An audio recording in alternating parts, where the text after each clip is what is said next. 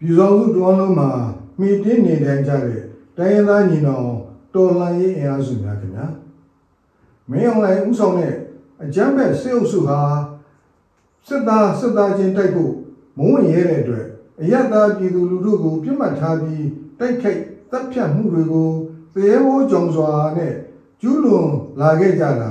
မကြာခင်ရပ်ပိုင်းကဖြစ်ပွားခဲ့တဲ့အနက်ပါဖြစ်ရဟာပြည်သူအများဆုံးအစုလိုက်ပြုံလိုက် ကြဆုံးခဲ့ရတဲ့ဖြစ်ရတစ်ခုဖြစ်ပါတယ်ဒီဖြစ်ရမတိုင်ခင်မှာလဲစကိုင်းတိုင်းလက်ရက်ကုန်းကြီးရွာအစုလိုက်ပြုံလိုက်တပ်ဖြတ်မှု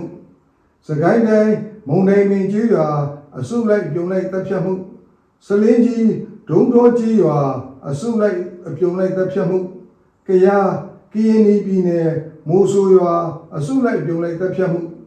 ချင်းပြည်နယ်မတူပီမြို့နယ်အစုလိုက်ပြုံလိုက်တပ်ဖြတ်မှု စတဲ့ရာဇဝမှုတွေကိုလည်းနိုင်ငံအနှံ့ပြားမှာကျူးလွန်လာခဲ့တာကိုအားလုံးမျက်မြင်ကိုယ်တွေ့သိရှိခဲ့ကြပြီးဖြစ်ပါတယ်အကြမ်းဖက်စစ်ကောင်စီဟာသူတို့အာဏာတည်မြဲရေးနဲ့ဒါစီမြေဆက်ကောင်းစားရေးအတွက်လူမျိုးမျိုးဘာသာမျိုးကိုနေရာဒေသမရွေးမှာနီလန်းမျိုးစုံနဲ့တပ်ဖြတ်ပစ်ဖို့ဝင်မလေးဘူးဆိုတာကိုသူတို့ရဲ့လူမဆန်တဲ့လုပ်ရက်တွေကတက်တည်ပြနေပါပြီ အကြမ်းဖက်စစ်အုပ်စုဟာတိုင်းသားပြည်သူလူတွေတရက်လုံးရဲ့ဘုံရန်သူဖြစ်နေပြီဆိုတာဟာတိတ်ကိုထင်ရှားလွန်းနေပါပြီဒီလိုချိန်ကာလမျိုးမှာကျုပ်တို့အားလုံးစုစည်းညီညွတ်စွာနဲ့ဒီဘုံရန်သူကိုအမြင့်ပြတ်ရှင်းလင်းနိုင်မှသာလျှင်တော်လှန်ရေးကာလအဆက်ဆက်အသက်သွေးချွေးရင်းနှီးပြည့်စက်ခဲ့ကြရတဲ့တော်လှန်ရေးတရားကောင်းတွေအားလုံးအတွက်တရားမျှတမှုကိုပြန်လည်ရယူနိုင်မှာဖြစ်သလို